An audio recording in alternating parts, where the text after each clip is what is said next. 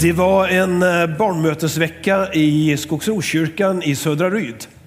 Och jag var där några kvällar med min äldsta dotter, hon var ungefär tre år. Och eh, så var det en eh, evangelist där. Jag har berättat den här storyn förut, men jag tycker ändå den kan upprepas. Det illustrerar lite grann det jag ska tala om idag. Hon talade om ett bibelord och använde en illustration. Hon hade en silverskål och i den här silverskålen så la hon i ett äpple och ytterligare ett äpple. Och så utgick hon ifrån texten gyllene äpplen i silverskålar är ord som talas i rätt tid. Och på det ena äpplet så sa hon att det var ett ja-äpple och det andra äpplet det var ett nej-äpple. Och så sjunger hon en sång och alla barnen stämde in. Och den var någonting i den här stilen att när Jesus dig kallar så svarar du ja. Och sen när frestaren dig lockar så svarar du nej. Och så sjöng de den och så gjorde hon en alldeles utmärkt lektion om det här att säga ja till Jesus. Och då tänkte jag så här som förälder, vad har min dotter uppfattat av detta? Och så är vi på väg hem och så går jag där och så skjuver jag barnvagnen och så frågar jag henne då. Eh, vad var det som hon pratade om den där tanten idag då? Vad var det hon sa om Jesus? Och då säger Sara så här, då ska man säga ja. Mm. Ja, men sen pratar hon ju om någon annan då. Hon pratar ju om frestan då. Och då kröp hon ihop i vagnen och tog sig om håret och så skakade hon på huvudet och sa, han är dum. Och jag sa, vad menar du så här? Jo, han vill ta mitt hår. Och jag förstod ingenting. Vad menar du? Han vill locka mig. Och hon, hon hade spikrakt hår och var så stolt över det där håret. Och jag tyckte det var en sån jättebra predikan eller illustration som hon hade haft. Va? Men det som var kärnan i vad hon sa, det var att ord är mäktiga. Och att säga ja eller säga nej, det kan förändra saker och ting. Och så talade hon om det här med ord i rätt tid. Och det är det som är rubriken på det som jag ska säga idag. Om du har en bibel så slå gärna upp den. Till, jag ska läsa en del ifrån Lukas evangeliet och ifrån det fjärde kapitlet där. Det är två berättelser i två synagogor och vi börjar i Nasaret. Där Jesus kommer en helt vanlig dag, en helt vanlig gudstjänstdag, eh, kommer till Nasaret där han hade växt upp och så på sabbaten så går han till synagogan som han brukade. Och där så får han bokrullen från Jesaja och så läser han de här orden som vi ofta då eh, hör med att Herrens ande är över mig. Han har smort mig till att frambära ett glädjebud till de fattiga. Han har sänt mig att förkunna befrielse för de fångna och syn för de blinda, att ge de förtryckta frihet och förkunna året som Herren har valt. Så rullar han ihop den här boken, det var ju en, en rulle som man hade på den tiden, och så är alla blickar vända mot honom. Och eh, så börjar han tala till dem. Och de här människorna de var ju vana vid att någon talade i, i eh, synagogan där. Men så står det så här i 4.22 att alla prisade honom och häpnade över de ljuvliga ord som utgick ur hans mun. Det här är, kan översättas som nådefyllda ord. Det vill säga att det Jesus gjorde, det var att han förkunnade ord som var varma som var inbjudande, inkluderande och han bjöd på någonting som kanske var då en motsats till det andra som var. Det var nåd. Han förkunnade alltså någonting annorlunda än vad de andra, har, eh, andra brukade göra då. Och det här liksom då med ljuvliga ord. Sen då så, det här är då i Nasaret. Går vi vidare lite framåt då så kommer han till eh, Kafarnaum. Likadant där. Ehm, eh, går in i synagogan och eh, där så undervisar han folket på sabbaten. Och då står det så här i 4.32. De överväldigades av hans undervisning eftersom det låg makt i hans ord.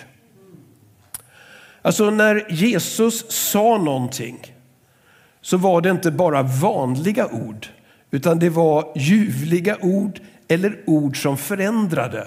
De hade liksom makt med sig. Och rubriken var Ord i rätt tid. Tittar vi i lite senare och bläddrar fram här, när de hade funderat lite mer och, och, och vad, vad, som händer då i, i det här sammanhanget då, så står det så här lite senare då att eh, i den 36 versen så eh, alla greps av bävan och så frågade de varandra, vad är det med hans ord? Alltså att det var någonting som väckte tag i dem. Det var någonting som trängde in när de fick höra det som Jesus talade om. Går vi till, till Johannes 6 så var det ju så att alla tyckte inte om det här som Jesus sa. Alla uppfattade det inte som ljuvliga ord. Utan eh, i eh, Johannes 6 och eh, vers 60 så står det så här att många av hans lärjungar som hörde honom tala sa det är outhärdligt det som han säger. Vem står ut med att höra på honom? Och i folkbibeln så står det så här att det är översatt till att det här är en svår tanke. Vem står ut och höra med den?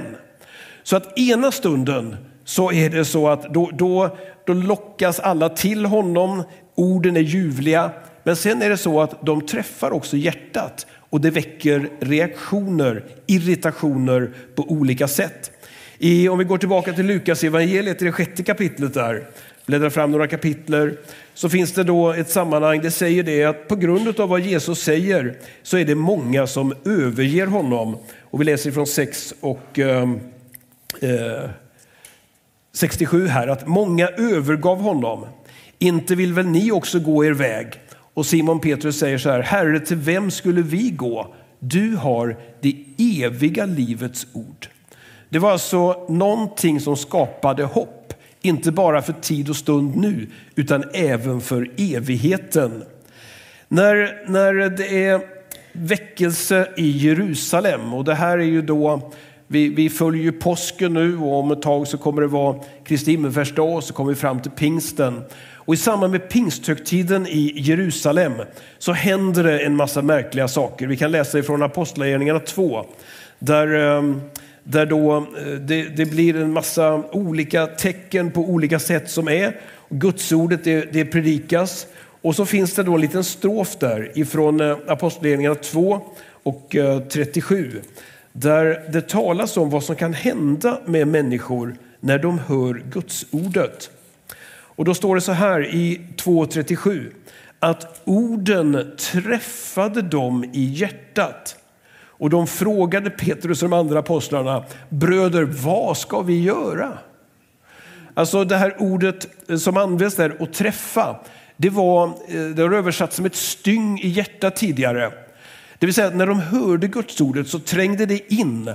Det talade till deras inre människa och de undrade så här, vad ska vi göra? Och så fick de vägledning utav, utav de eh, ledarna som fanns. Och de sa så här, du ska be om dina, förlåt, dina synders förlåtelse och du ska låta döpa dig.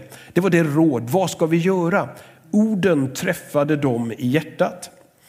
När man eh, studerar ord så pratar man ibland om ords performativitet. Det performativa i ord. Och med det så menar vi att det är inte själva orden i sig som är det som kanske är avgörande, utan det är den verkan, den effekt som orden har. Slår man upp det här med de som då eh, sysslar med det här så säger man så här att performalitet betecknar handlingsaspekten hos språkliga yttranden eller andra symboliska uttrycksformer, till exempel rituella eller teatrala uppföranden. När man frågar efter ett yttrandes eller ett uppförandes performalitet frågar man efter dess effekt eller verkan. Man vänder uppmärksamheten mot det som yttrandet, själva uppförandet, gör och, eller uträttar, inte mot det som det betyder. Och Det här innebär alltså att det finns kraft i ord. Att ord kan, kan åstadkomma någonting. Inte för att de är ord, inte för att de, de, man tar det bokstavligt, utan det är när, när de uttalas så finns det någon slags kraft och en handling och en effekt utav orden. Och det är ju det som Bibeln börjar med. Gud sa och det blev. Och precis så är det för oss idag. att vi kan vara med och skapa. Vi kan då vara med och förändra våra liv och andras liv genom vad vi säger, vad vi uttrycker. Och det som är utgångspunkten då, vi pratar lite grann om Jesu ord nu, men om vi går till Hebreerbrevet 4 och 12 så finns det en beskrivning där som är, som är rätt så enorm utav vad, vad innebär det här gudsordet egentligen då. Eh, och läser vi ifrån eh, Hebreerbrevet 4.12 så står det så här att Guds ord är levande eh, och det är inte bara levande utan det är också verksamt. Det är så performativt. Det händer någonting. Gudsordet är. Det är skarpare än något tveeggat svärd och tränger så djupt att det skiljer själ och ande, led och märg och blottlägger hjärtats uppsåt och tankar. Ingenting kan döljas för honom. Allt skapat ligger naket och blottat för hans öga och inför honom är det som vi ska avlägga räkenskap. Det här innebär alltså då att Guds ordet det är någonting som kan tränga in i dig, som kan avslöja dig och som då för stunden kanske kan göra dig obekväm. Orden kan träffa dig. Men det goda budskapet är ju att det också finns ljuvliga ord att det finns upprättelse, en möjlighet till att få vara med om förvandlade liv.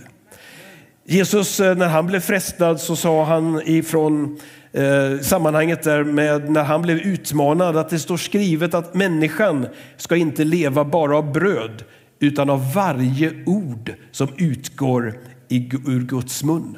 Det finns alltså någon slags kraft i Guds ordet och det gör att vi kan hämta någonting som är så mäktigt och starkt. I första Petrus 3 och 10 så står det så här. Den som älskar livet och vill ha goda dagar. Och vem vill inte ha goda dagar? Ja, då finns det en liten uppmaning att han eller hon ska avhålla sin tunga från det som är ont och sina läppar från svekfulla ord. Alltså, vill du vara med om goda dagar så säger Gudsordet så här. Var försiktig med vad du säger. Ha koll på dina ord. Jesus han hade alltså ljuvliga ord och vi kan då ha svekfulla ord. Första Johannes 3.18 säger så här en uppmaning att låt oss älska varandra. Men låt oss inte älska med tomma ord utan med handling och sanning. Ibland kan alltså orden vara tomma. De kan vara innehållslösa och då har de ingen direkt verkan. Och Det jag vill säga idag det är att gudsordet det kan vara med och påverka. Och ord de kan skapa något negativt och de kan skapa något väldigt positivt. Och därför är det viktigt hur vi använder dem. Det här är inget bibelord som jag ska citera nu. Alf Henriksson, en av våra poeter, han fångar det här så bra så jag skulle ha med en liten dikt i det här sammanhanget. Han har skrivit den här dikten om eh, orden och eh, han formulerar det så här och jag tycker att det är så jättebra. Ett ord som en människa fäster sig vid kan verka i oberäknelig tid. Det kan framkalla glädje till livets slut. Det kan uppväcka obehag livet ut. Ja, det påverkar livet på jorden så slarva inte med orden. Jag tycker det där är så otroligt välformulerat och en sån bra uppmaning även om det inte kommer från Bibeln. Nu har det varit påsk, men jag skulle bara några minuter gå tillbaka till julevangeliet. I julevangeliet så möter vi två par. Det som är gemensamt med dem är att de båda får änglabesök. Inledningsvis i Lukas så är det då Sakarias och Elisabet som står i fokus och ni kan ju de här berättelserna. Eh, de var äldre och det står så här att de var ofruktsamma, eller Elisabet var ofruktsam och eh, de var komna till åren, de var barnlösa i Lukas 1 och 5. Båda var till åren. Och så får de vara med om ett under. Det kommer en ängel och säger att ni ska få en son och, och så vet ni bakgrunden till detta, det blir ju Johannes döparen. Så går det sex månader. Så är det ett annat änglabesök. Då är det till en ung tjej, Maria, som var trolovad med Josef. Och då kommer ängeln och alltså hon blir ju alldeles förskräckt. Och när vi läser ifrån Lukas evangeliet och tänker själva, vi vet inte riktigt hur gammal eh, eh Maria var vid det tillfället, men hon är i alla fall tonåring säger de flesta som har studerat det här. Och så eh, eh kan vi då läsa ifrån, eh, ja, hon, det dyker alltså upp i Lukas 26 här. Eh, Lukas 1 och 26 eh, och 27 då. I den sjätte månaden så blev ängel Gabriel sänd från Gud till en ung flicka i staden Nasaret i Galileen. Och så står det sen så här, ängeln kommer in till henne och så säger han så här, var hälsad du högt benådade, Herren är med dig. Hon blir ju livrädd. Hon har ju aldrig varit med om något sånt här förut. Helt plötsligt så står det någon och säger så här, du högt benådade, Herren är med dig. Alltså hon blir livrädd, vet inte alls vad det här handlar om. Och så säger Herren, så här, du inte, eller ängeln då, att du behöver inte vara orolig, jag har ett budskap till dig. Och så berättar han då, du ska bli mamma till någon som ska ta över Davids tron. Alltså hon förstår ju ingenting, hon är ju totalt förvirrad. Vad ska hända? Men ändå känner hon på något sätt att ängeln har lagt någonting på henne. Och så, ja, ni vet ju vad som händer sen. Men innan Jesus föds så finns det en berättelse om hur Maria träffar Elisabet. Och tittar vi i, i berättelsen som eh, eh, finns då i julevangeliet som vi ofta läser så står det så här i 39 versen. Några dagar efteråt gav sig Maria iväg och skyndade till en stad i Juda bergsbygd. Hon gick till Sakarias hus och sökte upp Elisabet. När Elisabet hörde Marias hälsning sparkade barnet till i henne och hon fylldes av helig ande. Hon ropade med hög röst, välsignade du mer än andra kvinnor och välsignat det barn du bär inom dig. Hur kan det hända mig att min herres mor kommer till mig? När mina öron hörde din hälsning sparkade barnet till i mig av fröjd. Salig hon som trodde till det som Herren låtit säga henne ska gå i uppfyllelse. Vad är det här för någonting? Alltså här är det en ung förvirrad tjej. Hon behövde råd. Och ibland är det inte alltid så att man går till sin mamma.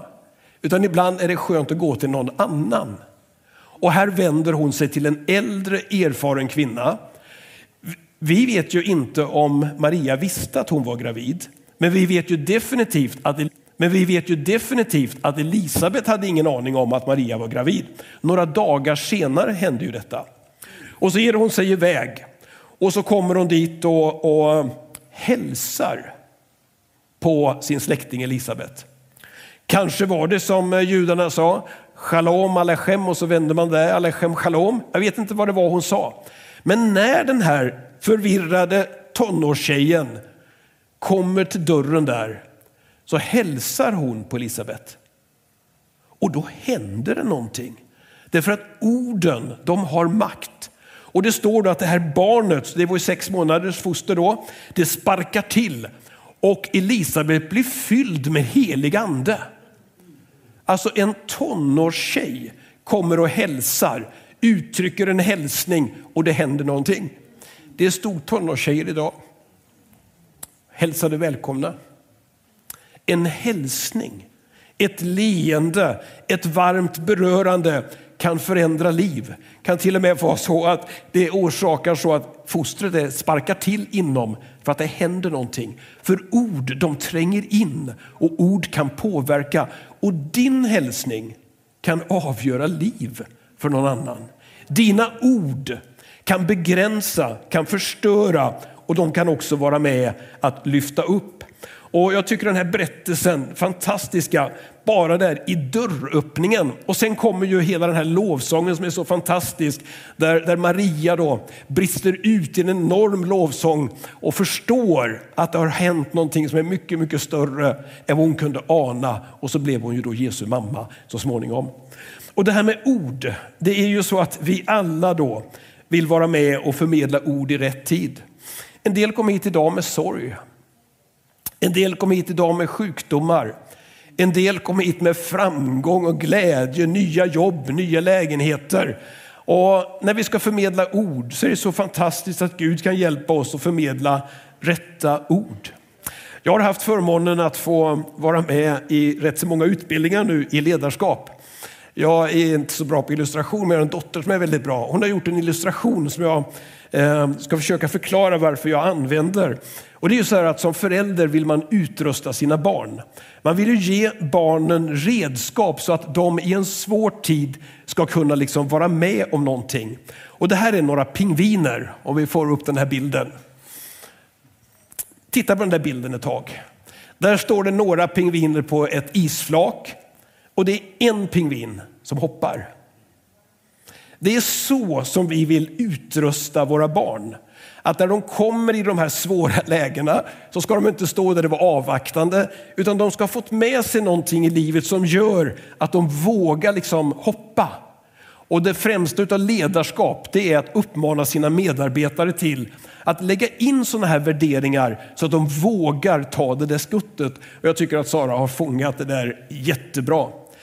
Nu ska jag göra någonting som jag kanske aldrig kommer att göra mer. Jag ska be Claes-Göran komma upp. Uh, det kanske jag kommer att göra nu, men Claes-Göran och jag ska försöka att hjälpas åt att illustrera någonting kring det här med uh, ords betydelse. Och det är tre ord som jag skulle vilja att ni bär med er idag. Och jag vågar vara lite frimodig och säga så här. Tar du till dig de här tre orden så kan de förändra inte bara ditt liv utan även andras liv. Och det första ordet det är ordet vi. Och det kan man ju undra, så vad menar du då? Jo, om vi läser ifrån första Johannes eh, 1 och 7 så talas det om någonting som uttrycker vi-känsla riktigt rejält. Som alla kan få vara med om att uppleva. Och det står så här i första Johannes 1 och 7.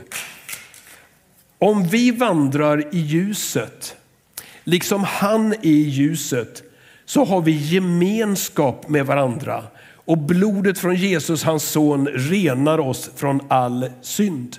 Det här innebär alltså att det finns en, en enorm känsla av samhörighet, utav delaktighet, utav det som är då gemenskap i det här ordet när man får möta Jesus.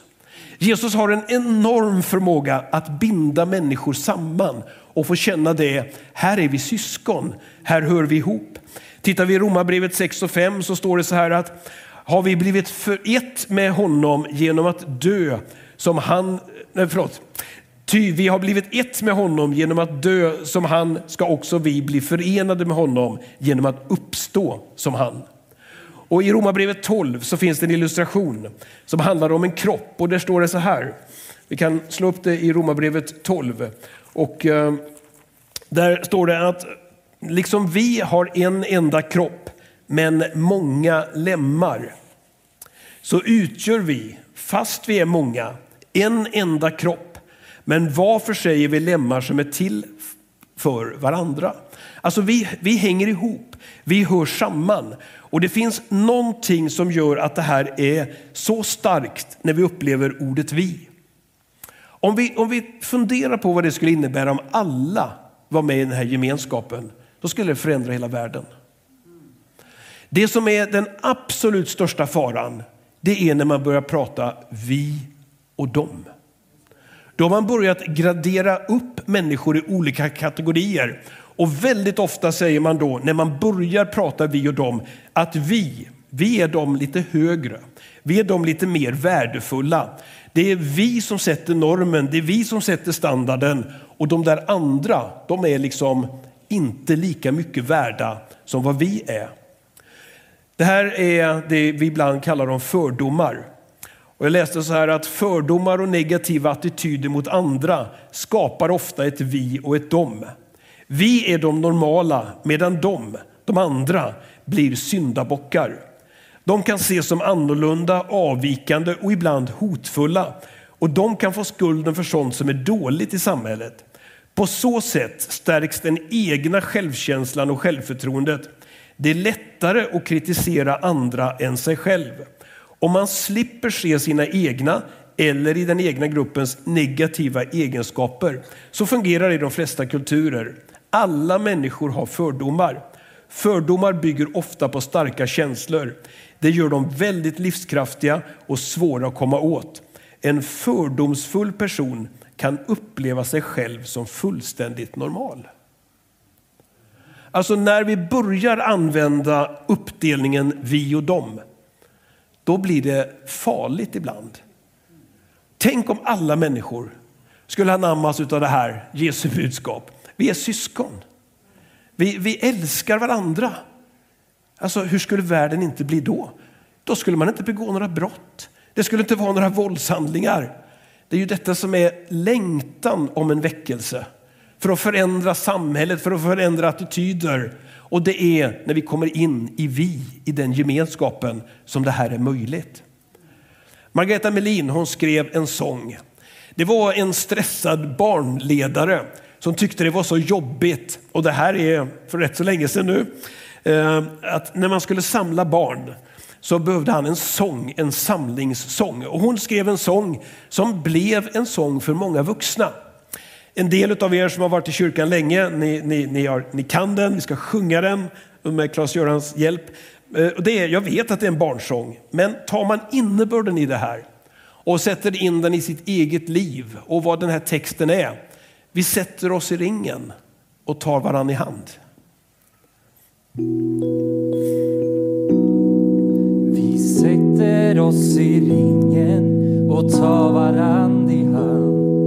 Vi är en massa syskon som tycker om varann.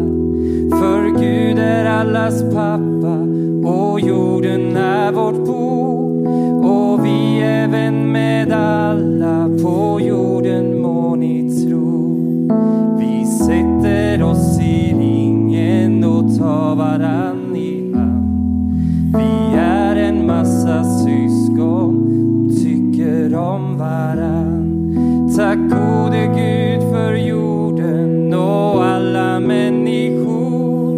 Gör en familj av alla, en enda jättestor. Om du har glömt vad jag säger så kanske de här sångerna kommer att gnola inom dig. Att du får med dig dem. Det här påstår jag alltså kan förändra otroligt mycket om vi tar till oss det här. Det andra ordet, det är ett, ett ord som jag tror att vi borde använda mycket mer. Och det är ordet tack. Eh, Sören som sitter där nere, han och jag vi var på ett uppdrag i Brasilien eh, för några år sedan. Eh, på församlingens eh, uppdrag. Och så var vi i en kåkstad. Eh, riktiga slumkvarter. Och vi besökte en av församlingens utposter, en kyrka där. Helt fantastisk upplevelse. Och då var det en man som sa så här att jag skulle vilja att ni kommer hem till mig efteråt. Och då blev jag lite tveksam. Den där huset eller hyddan eller man ska säga.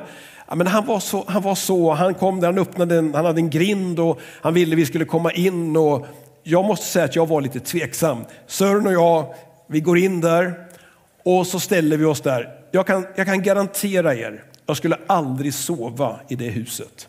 Ingen skulle få mig. Det var, ja, det var misär. Då ställer han sig och så berättar han om hur tacksam han är för att han är frälst. Och så säger han så här, jag vill be med er i mitt hem. Jag tyckte inte det var något hem. Och så står han så börjar han bara gråta av tacksamhet. Och han sa det, jag har varit fast i spiritism. Den hade makten över mitt liv. Och nu har jag blivit totalt förändrad. Jag har blivit förvandlad. Och jag, jag tittade mig omkring i den där misären. Och jag såg på den. Men han såg på att han hade fått en gemenskap med Gud som var så mycket mer värd. Han var tacksam. När vi läser i Bibeln, jag hade tänkt läsa flera bibelord men jag ska inte göra det. Eh, men om, om du gör så att du går igenom bibelorden i början utav de olika eh, avsnitten som Paulus skriver. Eh, inledningen till exempel då i Romarbrevet. Först och främst, jag tackar alltid min Gud genom Jesus Kristus för er alla, därför man i hela världen talar om er tro. Så här inleder Paulus nästan alla sina brev i en enorm tacksamhet för det som, har, det som har varit, det som han har gjort på olika sätt. Och han levde i en tacksamhet där han uttryckte det. Det jag skulle vilja säga idag, det är ta ingenting för givet. Utan var tacksam för det som du får vara med om. Eh, en parterapeut skrev så här, som jobbar alltså med trassliga relationer, skriver så här att när man talar om förhållanden så menar man med frasen ta för givet att den ena eller båda parterna agerar på ett sätt som gör att den andra känner sig ouppskattad. Detta beteende grundas i antagandet att förhållandet är bra och inte i behov av tacksamhet eller uppskattningar. Därför läggs det ingen tid eller ansträngning på att säkerställa att du får tillräckligt med uppskattning. När någon är sjuk så är nästan allt fokus på att bli frisk. När man är frisk kanske man missar att tacka Gud för att man är frisk. När man kommer till kyrkan så tar man kanske för givet att den ska vara öppen. Men det var ju faktiskt någon som låste upp dörren. Det var ju någon som sa så här, jag är beredd att bli pastor i församlingen. Och hur visar du din tacksamhet och din uppskattning? För att någon ställer sitt liv till förfogande. Vi är barn. Det är ju det som är gemensamt, vi har föräldrar. Det finns en del som aldrig har sagt tack till sina föräldrar. De har aldrig uttryckt tacksamhet för vad deras föräldrar har gjort. Ett ord kan förändra. Ett ord kan påverka. Och kanske skulle du börja ditt liv med att visa tacksamhet till de människor som är i din närhet och som har hjälpt dig på olika sätt. Tänk om vi skulle ringa upp någon som vi känner en tacksamhet. Det kan ju vara en lärare för länge sedan som var vägledande för dig och så skulle du ringa så här. Hej, jag heter så och så. Jag skulle bara vilja säga tack för den där lektionen som du gav när jag gick på högstadiet. Vad tror ni den skulle säga mer? De skulle säga, varför ringer du? Jo, vet, jag, jag, tror på Gud och jag tror på att vi ska hjälpa varandra på olika sätt. Va? Och jag vill säga tack, för jag känner att Guds ordet det säger att vi ska leva i tacksamhet. Det finns en sång, vi sjunger inte så ofta segertoner. Klas-Göran ska lotsa oss igenom den. den. Den rabblar så att säga olika skeden i livet och uttrycker ett tack. Tack min Gud. Inte bara för vad som varit utan också för vad som är. Ska vi sjunga det tillsammans? Tack min Gud för vad som varit. Tack för allt vad du beskär. Tack för tiderna som farit. Tack för stund som minne är. Tack för ljusa, varma vårar. Tack för mörk och kulen höst. Tack för redan glömda tårar. Tack för friden i mitt bröst. För tack för vad uppenbarat. Tack för vad jag ej förstår. Tack för allt som du besvarat. Tack för vad jag inte får. Tack för livets hemligheter. Tack för hjälp i nödens stund. Tack för nåd som ingen mäter.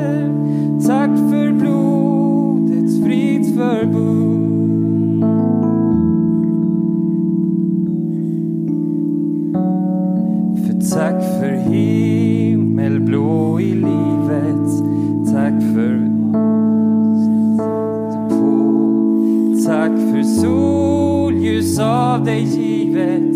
Tack för mörkret lika så. Tack för prövningar och strider. Tack för hopp som uppfylls väl. Tack för dag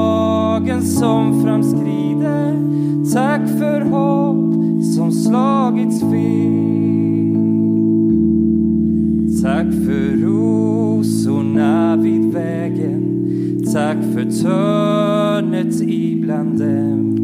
Tack för resta himlastegen. Tack för evigt tryggat hem. Tack för kors och tack för plåga. Tack för himmelsalighet. Tack för stridens klara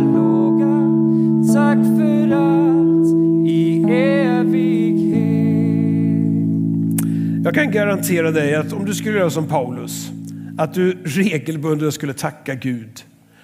Skulle du sätta dig med en lista, du skulle utan vidare kunna komma på tio saker som du är tacksam för, men som du kanske aldrig uttrycker. Och livet skulle bli så mycket lättare om du uttrycker tacksamhet.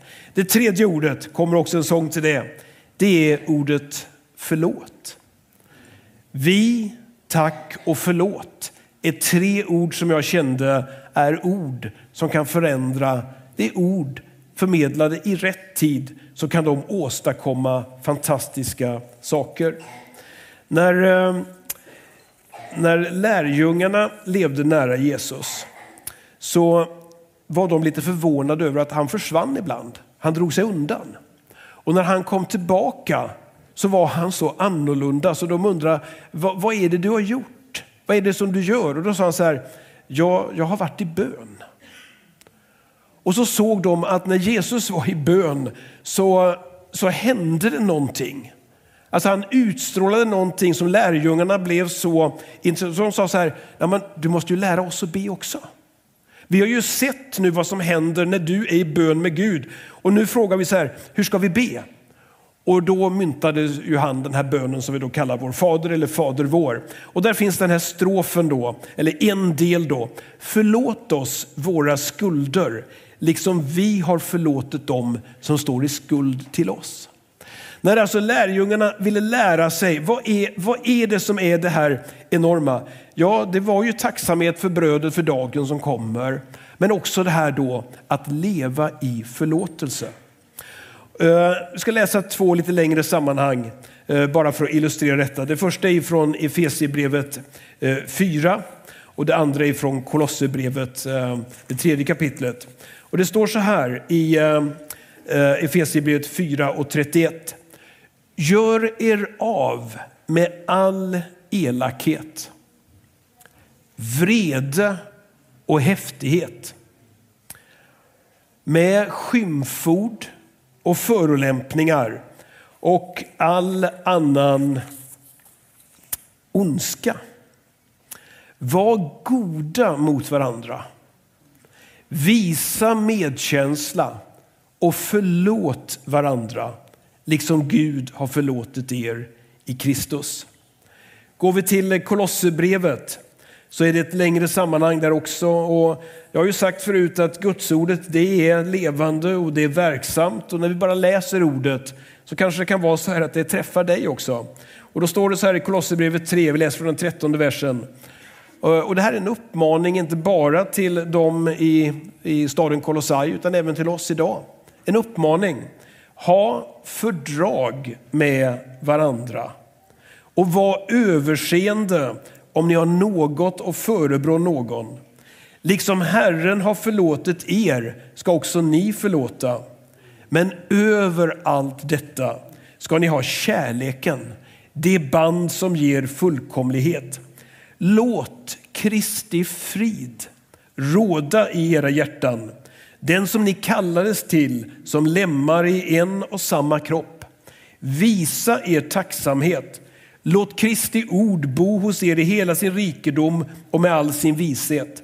Lär och vägled varandra med salmer, hymner och andlig sång i kraft av nåden och sjung Guds lov i era hjärtan. Låt allt vad ni gör i ord eller i handling ske i Herren Jesu namn och tacka Gud Fadern genom honom.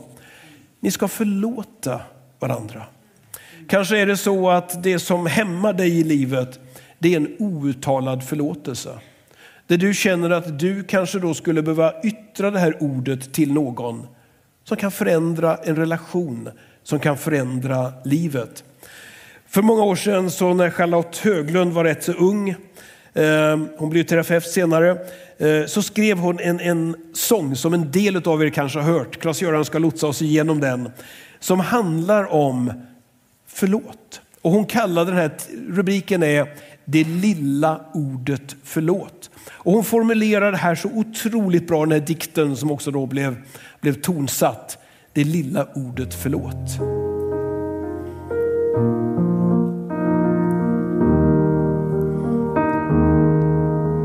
Det vackraste ord som jag vet är ett ord som så sällan blir sagt.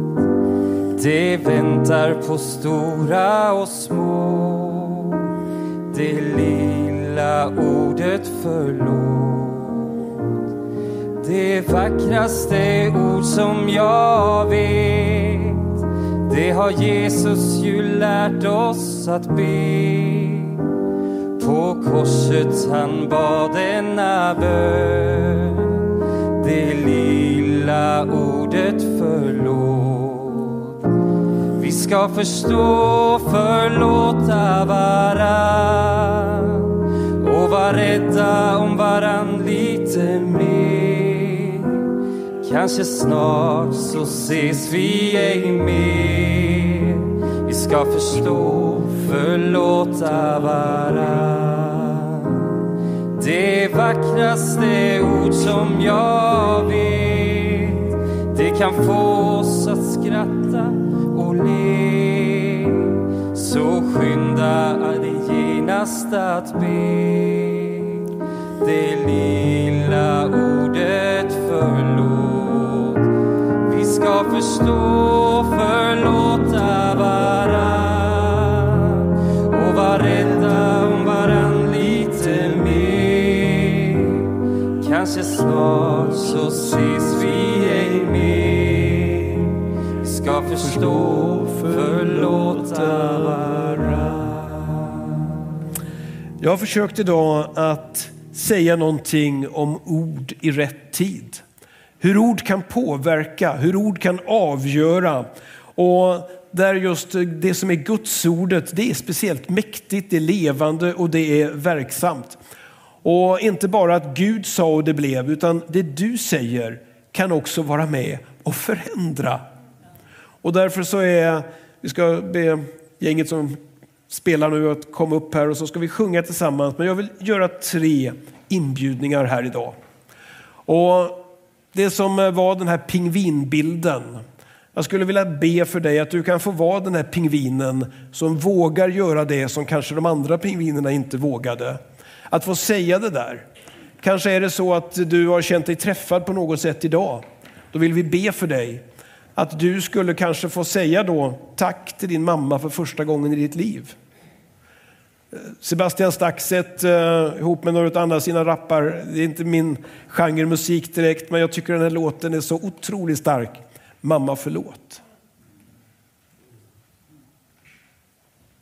Tänk att få höra det som mamma en dag. Att sonen kommer hem och säger mamma förlåt. Vi ska be för varandra och först skulle jag vilja bara fråga dig. Vi kan vara i en attityd av bön och inte titta så mycket runt omkring. Men om du finns här idag som aldrig sagt det här ordet ja till Jesus. Och skulle du har känt idag att det här är mitt tillfälle. Så är det, vi bara längtar efter att få, få in dig i vår gemenskap. Framförallt då en gemenskap med Gud. Känner du att du skulle vilja ha, säga ja till Jesus. Så bara lyft din hand så ska vi be för dig särskilt idag.